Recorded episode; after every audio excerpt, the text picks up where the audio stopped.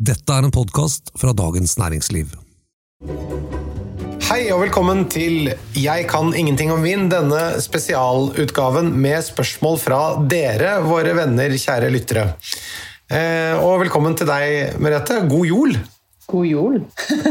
Du er på Voss, ja, og der sier dere jol. Der Ja. sier vi jul. Ja. Det er helt rett. Og jeg er på hytta på Hafjell. Men eh, her er vi på, på Zoom, Er på Zoom. og vi skal gå gjennom eh, spørsmål fra dere, kjære lyttere. Det er veldig mange spørsmål som har kommet, og veldig mange gode spørsmål.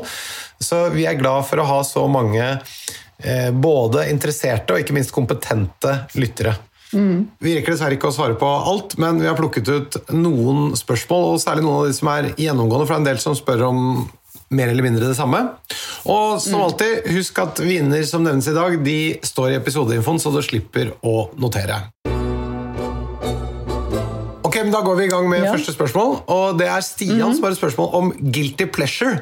Har dere noen guilty pleasures? Noen viner som dere kan drikke bitte litt for mye av, men som blir litt uglesett av kjennere? Ja. Ok, Hva er det med dette?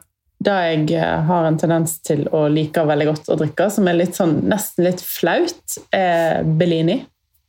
Bellini altså som i Prosecco og ferskenjuice. Oh, ja. Det syns jeg er dødsgodt. Eh, Men jeg drikker jo helst ikke Prosecco alene. Så hvis jeg får det som en Bellini, så syns jeg det er kjempegodt. Særlig med sommeren. og sånn. Så det er vel kanskje den nærmeste jeg kommer en guilty pleasure. Og så altså, digger jeg Riesling kabinett, men jeg vil jo si at det er ikke en guilty pleasure, for det er jo en kvalitetsvin. ja det, det er bare I pleasure, er det ikke det? Ja, det er bare pleasure. Det er ikke guilty. Ja, din, da? Jeg hadde en opplevelse på et hotellrom i London der jeg eh, hadde kjøpt noe ordentlig god hamburger. Og så tenkte jeg jeg må ha noe god vin til det, og så åpnet jeg en relativt fersk, da, noe sånt, jeg tror det var 13 eller noe sånt, noe, Cabernet Sauvignon fra Napa, som var veldig mye fat og eh, ganske hva skal vi si for noe, vulgær i stilen. Men jeg må si det var utrolig digg. Jeg kjøpte faktisk tre flasker til. Jeg vet ikke om det var tid og sted som gjorde det, men eh, jeg har de vinene fortsatt liggende. Så at jeg, Neste gang du skal ete hamburger. ja, skal kose meg. Hans Roger lurer på dette om anbefalinger til mat og tilbehør. Han skriver har i mange tilfeller sett på beskrivelsene til Vinmonopolet og benyttet databasen til Merete for å finne gode viner. Det som slår meg, er at begge plassene vil ofte beskrivelsene være veldig generelle og litt vanskelig for oss amatører å finne frem i. Jeg tenker f.eks. på en vin som skal passe til storfe. Storfe kan jo serveres med veldig mye forskjellig, og det vil vel være for forskjeller her om man serverer f.eks. fløtegratinerte poteter eh, til versus parmesan, gratinerte tomater og rødvinsaus. For oss ville det vært til stor hjelp om beskrivelsene hadde vært mer utvidet med noen forslag til tilbehør som også passer veldig godt til vinene. Det, det er jo et eh, veldig godt spørsmål og et eh, tema som vi har vært innom tidligere. For meg, da, som sitter og smaker alle disse vinene, mellom 10 og 12 000 i året, så har det litt med tid å gjøre. For du har kanskje ett til to, maks tre minutter per vin. da. Uh, og da kan det ikke begynne å rote rundt i oppskrifter. Liksom. Selvfølgelig Mange ganger så kan du tenke at dette er perfekt til sopprisotto, eller dette er perfekt til fiskesuppe. Selv om jeg skriver storfe med rødvinsaus, så har du kanskje kjempemye eh, kraft i din rødvinsaus, og du ikke smaker rødvin, mens andre har mer syre. Så det er veldig vanskelig å gå inn på helt sånn Syns jeg, da. Kanskje du kan si noe om noen generelle kjøreregler? fordi at eh, Hvis man blir helt avhengig av å få bare de sånn helt spesifikke akkurat den og den til akkurat det og det, så er det vanskelig. Men eh, kanskje noen litt mer sånn generelle kjøreregler, istedenfor at du liksom må få beskjed at i Storekrysset der skal du ta til venstre. Så kan du heller si hva, bare si hva er vikepliktregelen, f.eks. ja. I dette dømet han nevner, er jo fløtegratinert potet som er ganske feit, men en, en, et fett tilbehør, men som har eh, ganske snille smaker. ikke sant? Eh, tåler jo veldig mye. det er Fløtegratinert potet er jo perfekt å sette vin til, for det er fett, særlig rødvin. Eh, fordi at det du trenger da for å takle fedme, er eh, syre og tanniner. Men så hvis du da har tomater til, som både har syre og sødme, så blir det jo Da, da trenger ikke du samme syrestrukturen i vinen. Og tomater kan være litt utfordrende, det har vi snakket om før. Så her vil du her er det mye vanskeligere eh, rett å kombinere til. Så satt at du har en biff til begge rettene, så vil jo den biffen være ikke så viktig i forhold til vinkombinasjonen. Så, eh, mens jeg da, til fløtegratinert poteter kan du nesten velge hvilken som helst rødvin med litt fylde, kraft, tanniner og syre, som da omhandler ja, Nebbiolo, eh, Cabernet Sauvignon, eh, Merlot Malbec altså du, får, du, har masse å velge mellom. Så er det mye smalere, smalere utvalg på med en gang du putter parmesangratinerte tomater til. for å si det sånn. Men for å oppsummere, da, En grei huskeregel er jo at uh, syre, særlig i forhold til fett, mm. og protein og tannin. Mm, ja. Men så er det òg unntak. ikke sant? Sånn Bearnéssaus er et veldig godt unntak. Um, for bearnéssaus har eggeplomme hvis du lager den på skikkelig måten. Uh, og eggeplommen i bearnéssaus uh, har mye protein, som da kan krasje ganske godt med en nebbiolo med mye tannin, f.eks. Så eh, når en skal ha bearnéssaus som en klassisk kombinasjon til biff, for eksempel, så er det et, sånn, et godt eksempel på at ikke alltid tannin og protein funker. Mens da bør du kanskje ha en litt mer moden rødvin da, som, som takler dette litt bedre. Men nå må, nå må, man huske på når man hører dette, at uh, selv om du nå er rett på med et unntak, så er det en hovedregel. For det, er, ja. det, som gjør det så vanskelig med vin, er jo at det alltid er unntak. Og, nei, men Det blir litt spesielt, og sånn, men, men, generelt bra med syre til, eh, til, fettet og bra med tannin til eh, protein. Er ikke det greit, da? Jo. Og så har jeg ett et tips til. Uh, Rett nå på nyåret en gang så skal eh, Dagens Næringsliv utvikle en ny og bedre vindatabase. Der det skal bli forhåpentligvis, etter planen, skal automatisk genereres inn oppskrifter, forslag til oppskrifter når jeg eh, anmelder en vin. Så da har han, selv om han ikke kanskje bruker den oppskriften, eh, da har han kanskje en litt bredere idé. da. Det høres helt uh, supert ut. En siste ting som vi har vært innom før også, som vi gjerne kan gjenta, er jo også uh, sterk mat. Da må man være forsiktig med både tanniner og alkohol. Ja, absolutt. Og helst litt sødme. Ja. ja, nettopp.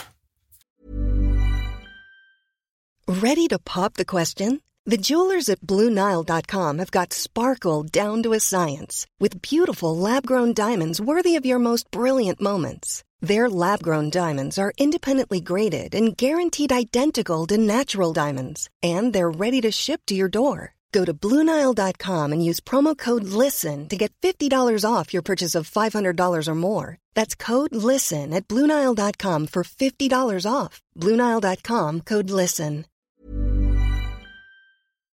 Ok, eh, neste det er da Oddmund som har spørsmål om drikkevindu.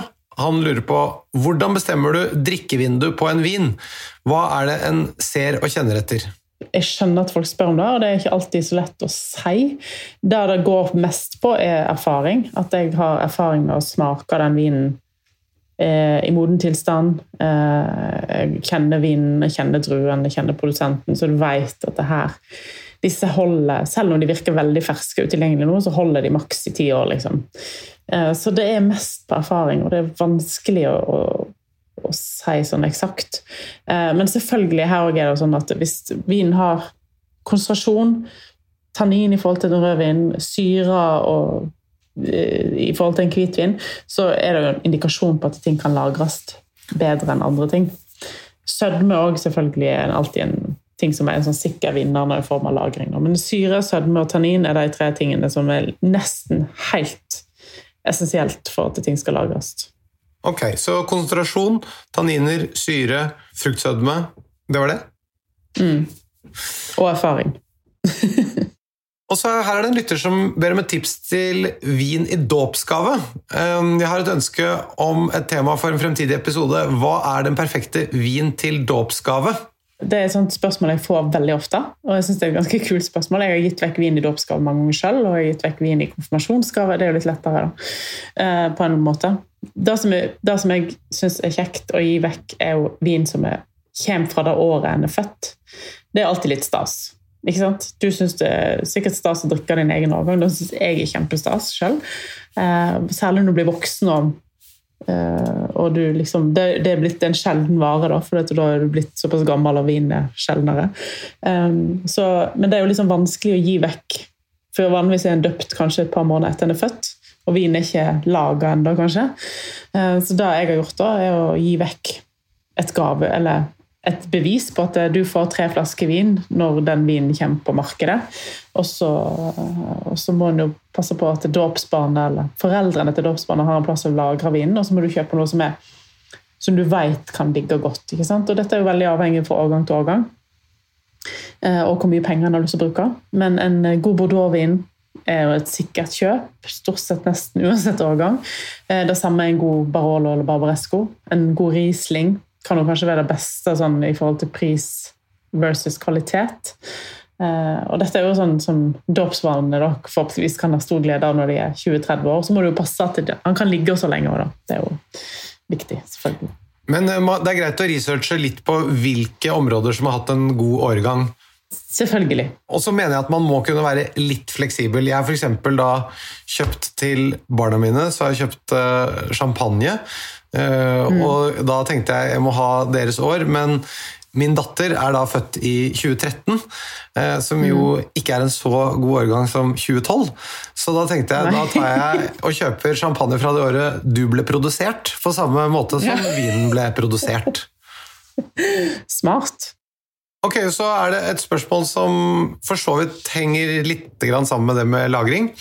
Ofte trenger vin mye mer tid til å oksidere enn man tror, og man kan finne ut mot slutten av flasken at man har kastet bort i gåseøynene mye. Så hvordan vet man hvor lenge man bør lufte vinen? Er, altså, folk stiller veldig gode, men vanskelige spørsmål, egentlig, for det er ikke alltid sånn et standardsvar. Eh, og jeg har eh, opplevd det samme mange ganger, da du blir overrasket over viner så ofte. Fordi at du dekanterer dem, og så kan det enten går galt eller går bedre. Nå nylig så oppdaga jeg at uh, vi hadde to flasker La Tørk uh, fra Gigal. En veldig berømt uh, vin fra Nordhånd. En 2005 og en 2010. Og 2005 ble åpna rett og servert, mens 2010 var dekantert i fire timer. Og da 2010 mista litt av toppfrukten, mens 05 eh, føltes freshere til tross for at det skulle vært motsatt. Og det er det som er faren med å dekantere en vin en ikke kjenner så godt, er at han kan miste litt av den delikate toppfrukten som du gjerne vil ha i glasset. Ikke men så er det andre viner da, igjen som eh, er kanskje lukka og innestengte, og sånn, og så trenger de tre timer i karaffel. Jeg syns det ofte er veldig vanskelig å vite sjøl, for å være helt ærlig. Jeg vet ikke hva du syns, men jeg Så kunne vi sagt noe om at hvis du nettopp kjenner, som du sier, at den én ikke lukter så mye, at den er litt innestengt mm. og litt lukket, så er det kanskje verdt å prøve på. Og ikke minst også hvis den har sånne svovelaromaer og sånn, ja, så ja, ja, ja, jeg kan si det. Og hvis den, altså, Det første en skal gjøre, uansett, er å smake på vinen når en åpner den. For Hvis en føler at den lukter litt lite og har litt eh, innestengte aromaer, sånn, så kan han ofte ha godt av et par timer i gravfell. Eh, og bli bedre og bedre, liksom. Eh, dette gjelder særlig ofte rødvin, syns jeg. Som, som, er skapt for lagring. Mens når det er hvitvin, så kan de få ganske sånn reduktive aromaer. Og da lukter de ofte litt sånn svovelaktig og litt sånn brent flint og sånne ting. Og da har de bare godt av dekantert i noen timer. Så smak først, og så kan du prøve å gjøre en vurdering ut av hva ja. Vi snakket jo med Gaia Gaia, eh, og hun mm. var jo ikke noe glad i å dekantere vinene, for hun syntes jo nettopp at det var en morsom opplevelse, det der å drikke det første glasset og se hvordan det smakte, og så se hvordan vinen endret seg etter hvert som du kom lenger og lenger ned i flasken og den da fikk mer og mer luft. Da. Så mm. man kan jo se ulikt på det spørsmålet. Ja, altså Jeg er jo litt enig med Gaia Gaia der. Jeg syns jo òg det er kjekt, da. Jeg har et spørsmål når det kommer til vin i matlaging. Har dere noen faste viner dere bruker i matlagingen hvis dere ikke har vinrester? da? Nei, jeg har ikke noen faste viner. for helt ærlig. Eller, Den faste vinen jeg har, da, som jeg bruker masse i saus, er Madeira. altså Jeg føler at den madeiraen det skal ikke mye til, men bitte litt eh, gjør underverker med en saus. Synes jeg. Men ellers så bruker jeg jo den hvitvinen jeg har åpen, eller den rødvinen jeg har åpen, så lenge den ikke er for dyr eller for fancy. Eh, så ja. Men jeg tenker at hvis jeg skal kjøpe noe, så pleier jeg ofte å se etter en eh, Hvis det er hvitvin, så pleier jeg ofte å se etter en med høy syre. Fordi det er jo stort altså det, er jo, det er jo en viktig del av den funksjonen den vinen har oppi sausen, er å tilføre syre til maten. Så det å velge en, en vin med, med, bra syre er kanskje ikke så dumt. Ja, kjøp en, eh, tenk en rimelig og tørr, god Riesling, liksom. er jo tenker jeg gjør jobben. da. Og når det gjelder rødvin, hvis en skal gå og kjøpe en, så er det mange kokker som anbefaler eh, rødvin med masse farge og sånn. Og frukt. Jeg ville heller valgt farge og frukt foran tanniner, for å si det sånn. Jeg ville valgt en, eh, eksempel en enkel syra eller noe sånt som har mye farge. Ikke så mye tanniner, men òg veldig flott frukt. da. Ja. Det kommer selvfølgelig an på skal du, hva du skal bruke til. Skal du lage en bøff bourguignon, så er det jo klassisk å bruke druen, eller en vin lager på druen pinot noir, så da vil jeg bruke det. selvfølgelig. Men, men, tror du at du vil kunne smake forskjell på en bøff bourguignon som er laget med pinot, og en bøff bourguignon som er laget med eh, f.eks. en gamay? da? Nei, ikke på de to druene der. Men jeg håper jeg hadde smakt forskjell på syra og pinot noir. Men da kan vi jo ta en test på. Det hadde vært morsomt å prøve, for det, er, det, skal koke ganske lenge. Det er kraft oppi der. Ja. Det, eh, så den vil jo endre mye karakter. Så spørsmålet er om du, om du kan f.eks. kjenne tanniner, eller om det er noen sånne ting. da. Mm. Ja, eh, det, det, hadde faktisk vært ganske morsomt å tatt en test på. Jeg, jeg tror ikke du merker sånn kjempestor forskjell, men litt vil du nok kjenne. Men ja. For at eh, vin har så stor del av den retten. da. Eh, vanligvis så bruker du ikke du bruker kanskje en desiliter eller to, men i bøff bourguignon så er vin en større del av retten. Så, det, ja. det, må vi prøve. Ok, mm. Neste spørsmål det er om poeng og lagring. Har et spørsmål om poengvin på 100-poengsskalaen. Kjøpte en Domaine de Colombier Hermitage 2014 fordi den hadde fått 93 poeng. Jeg har ikke noe vinskap eller kjeller, så jeg må drikke vinen ganske raskt. Etter at jeg hadde kjøpt vinen, så jeg at drikkevinduet var oppgitt fra 2022 til 2030. I Vinmonopolets app er det oppgitt at vinen kan drikkes nå, men at den blir bedre ved lagring. Jeg drakk vinen, og den var veldig god, men én ting jeg lurer fremdeles på. Når denne vinen har fått 93 poeng, er det et uttrykk for vinens kvalitet på smaketidspunktet, dvs. Si at den hadde kvalitet tilsvarende 93 poeng da den ble smakt, men kan bli en 95-poenger etter hvert?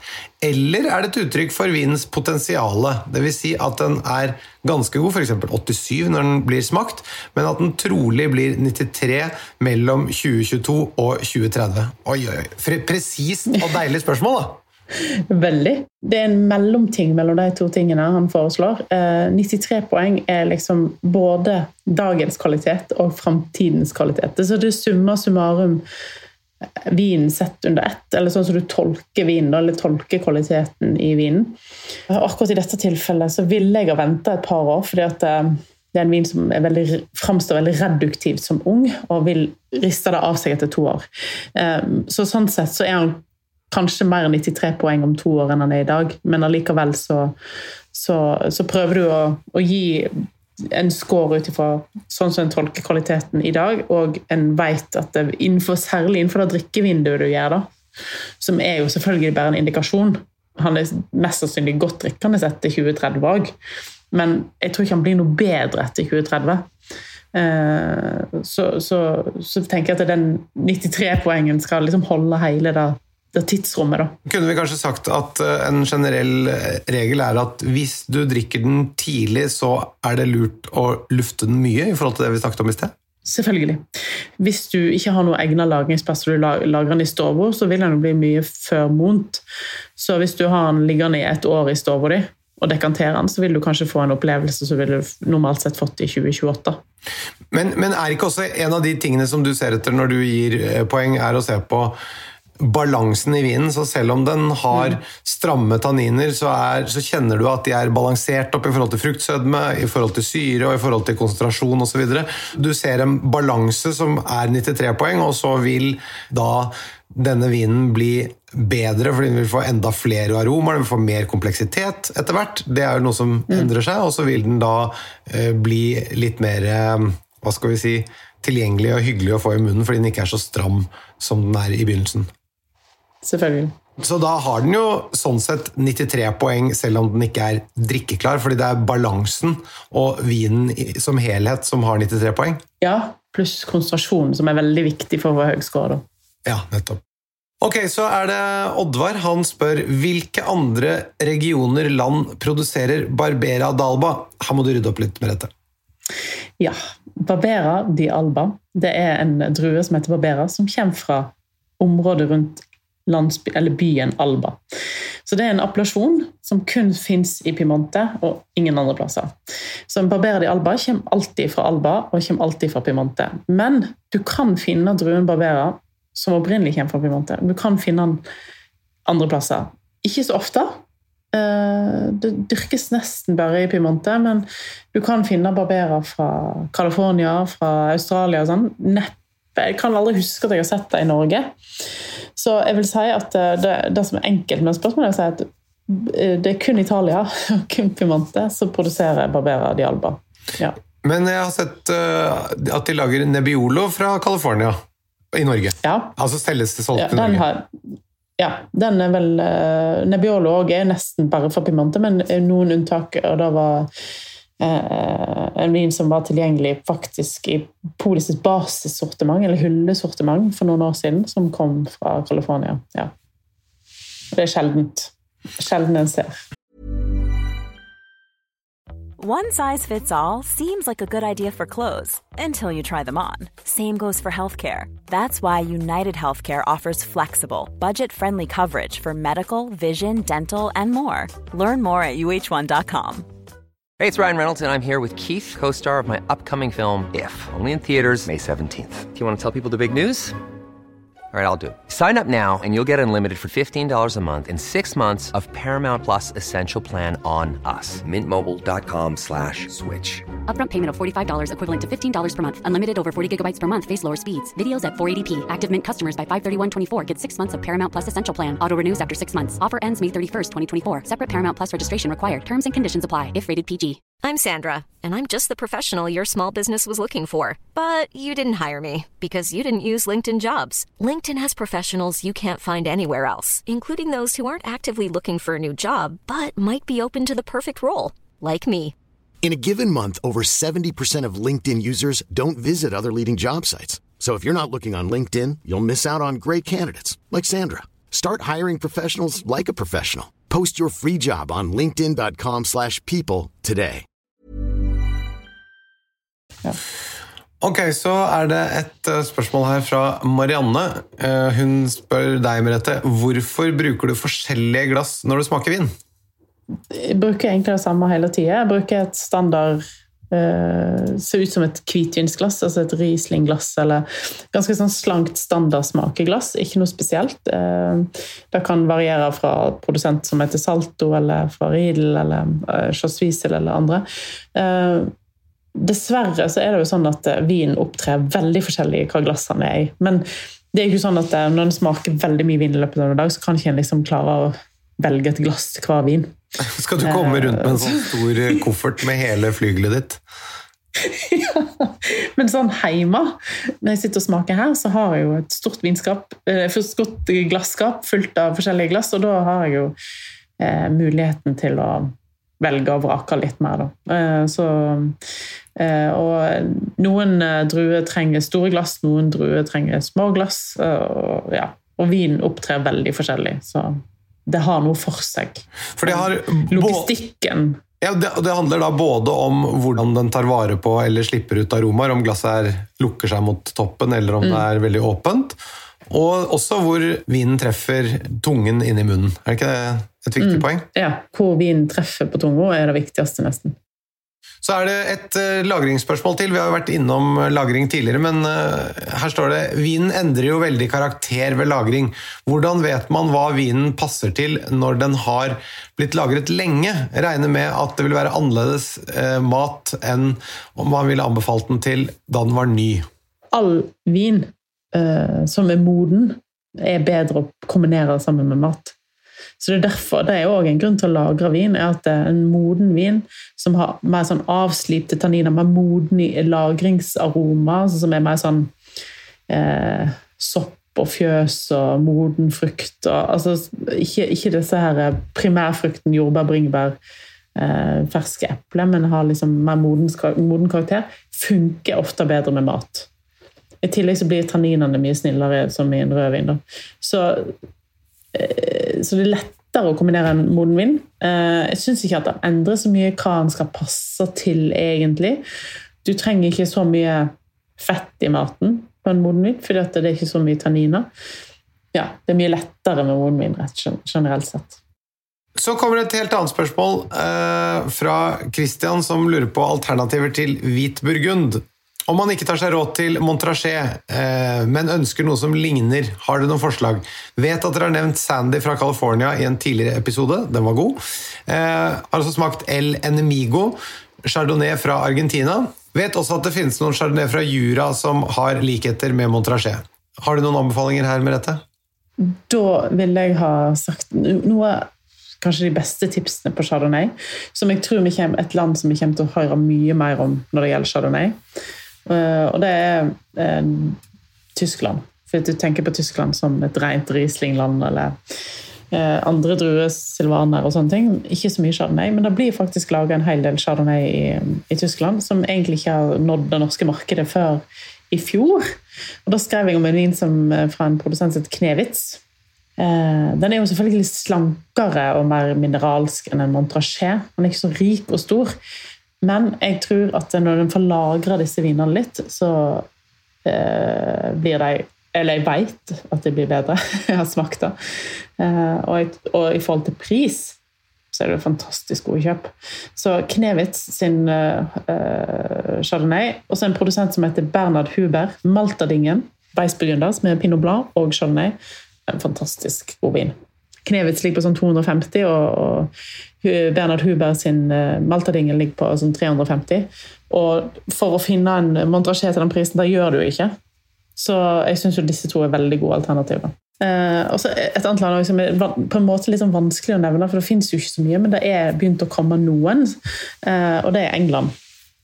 Og her er du litt i Chablis-land, fordi det er litt likt jordsmonn som i Chablis og Burgund, altså kalk, uh, men kjøligere klima. Der finner du nå særlig en produsent som er en favoritt, Simpsons.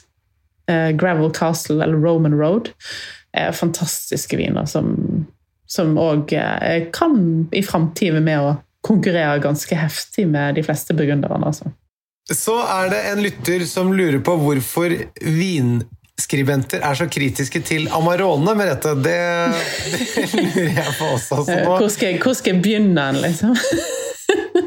Han skriver da Håper dere kan lage en episode om kraftige, fyldige vinstiler som mange nordmenn elsker. Amarone, Nero d'Avola, Eh, Cabernet Sauvignon, Garnacha osv. Hadde vært spennende å pirke mer borti vinkritikerne sin negativitet til Amarone som stil. Altså, jeg tror ofte grunnen til at Amarone er blitt så populær, er at det er høy alkohol eh, som gir den en sånn viskositet og en rikhet som de fleste andre viner ikke har. fordi Amarone er laget på tørka druer, det er mer sukker i druen, du får mer alkohol. Så, og så, har du dette sødmebildet uten at den er søt eh, direkte, liksom. Og en alkoholrik vin blir veldig ofte ubalansert i, mi, i mitt hode.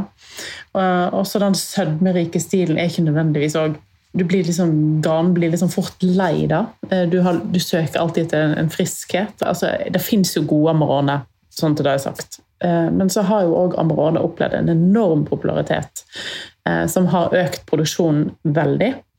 Nå har jeg ikke disse tallene i hodet, men den har mangedobla seg de siste 20 årene i forhold til hva Amarone en gang var. Og Amarone, å lage en Amarone er en ganske dyr måte å lage vin på. Mens når Amarone blir litt sånn rimelig, og da mener jeg sånn eh, mellom 200 og 300, som er en rimelig pris å betale for en dyr produksjonsmetode som Amarone er laga på, så syns jeg Da blir jeg veldig skeptisk. og sånn kommersiell produsert Amarone og sånn er aldri særlig bra. Eh, dessverre. For da blir han veldig søt og blir liksom bare sånn tutti frutti søt suppe, liksom. Uten å ha noe karakter, da. Et annet ankepunkt mot Amarone er jo at jeg, jeg syns det er nesten umulig å kombinere sammen med mat. For med en gang du bikker 14% i alkohol, som all Amarone gjør, så syns jeg at alkoholen tar overhånd om nesten uansett hva mat du kombinerer sammen. Og da syns jeg at vinens misjon er litt forsvunnet. Men å bikke 14, det må sies, det er det mange nebioler som gjør også.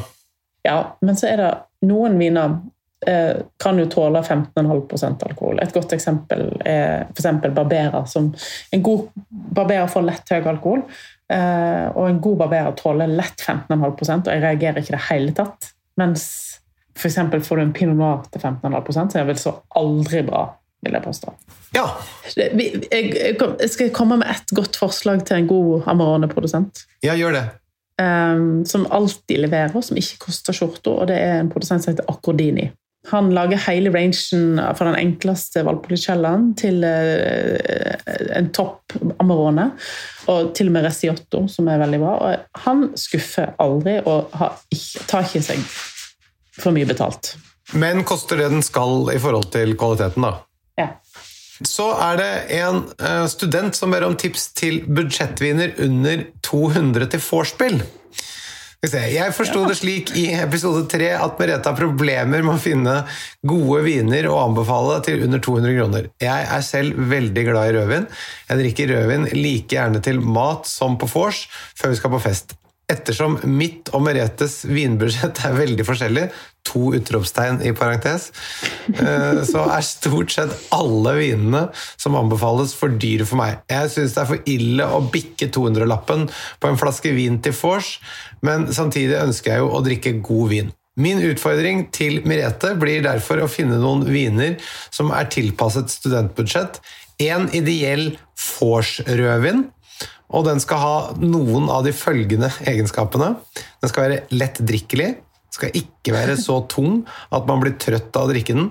Den skal ha rikelig med alkohol. Det begynner å bli vanskelig her nå. Den skal både være lettdrikkelig, ikke tung å bli trøtt av, og ha rikelig med alkohol. Ok? Og så er det så mye smak at man ikke ønsker å drikke noe annet etterpå, i fare for å forstyrre den gode smaken og så skal den være under 200 spenn. Ja, Merete. Ja. Det klarer du å tikke alle de boksene? Det spørs, da. Når jeg eh, var på forspill før i gamle dager, eh, så kjøpte jeg nesten alltid hvitvin, for da følte jeg meg litt sånn freshere istedenfor rødvin. men og så ble jeg ikke blå på tenna. Jeg vil si at det poenget må med. Det spørs hva slags planer du har for kvelden, men eh, sjansene for, eh, for, ligging de faller betraktelig med blå tenner. Det kan jeg si. En ting er at de er blå, men etter, etter de har vært blå, så blir de òg brune. Nei, altså jeg pleide alltid kjøpe en uh, tørr Riesling, uh, som ikke koster så mye, og du kan finne god kvalitet til en lav pris. En som jeg har sagt flere ganger, er Dunhoff Riesling tørr. Koster 100, under 140 kroner. En annen produsent er Mosbacher sin tørre Riesling, eller Wittmann sin tørre enkle Riesling, som alle koster rundt 150 kroner. Eh, og det er lett å drikke, og det er, ikke, det er litt lav alkohol, så den tikker ikke den boksen der. Men en skal, hvis en skal ha rødvin Det er overskriften med dette, så den boksen må du nesten tikke. Ja, jeg, jeg veit.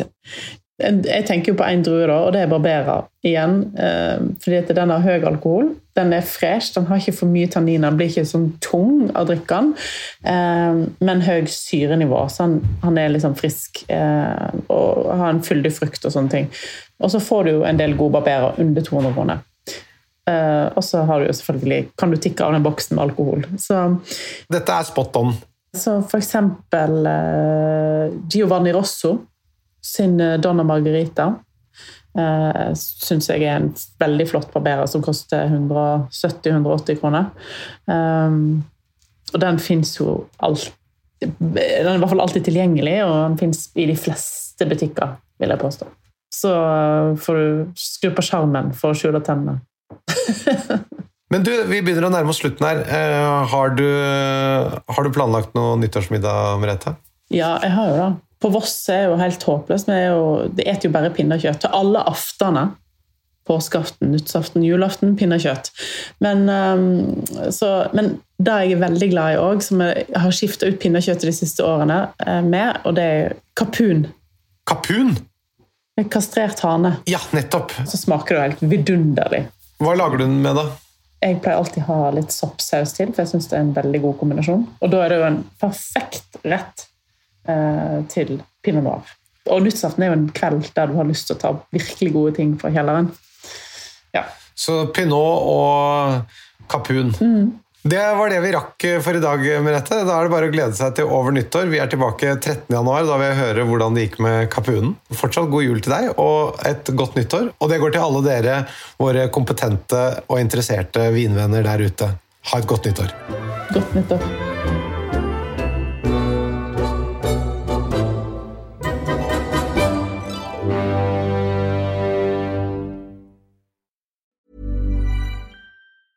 Hey, it's Danny Pellegrino from Everything Iconic.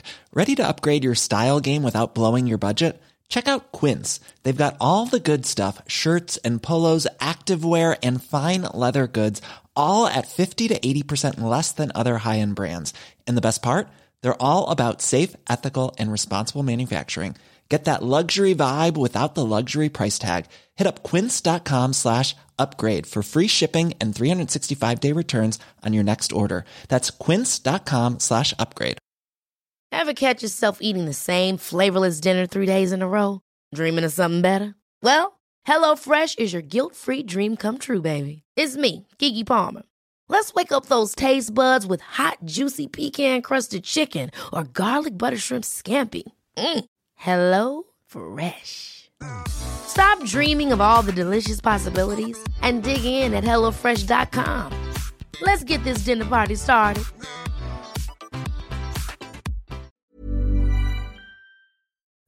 Du har nå hørt en podkast fra Dagens Næringsliv.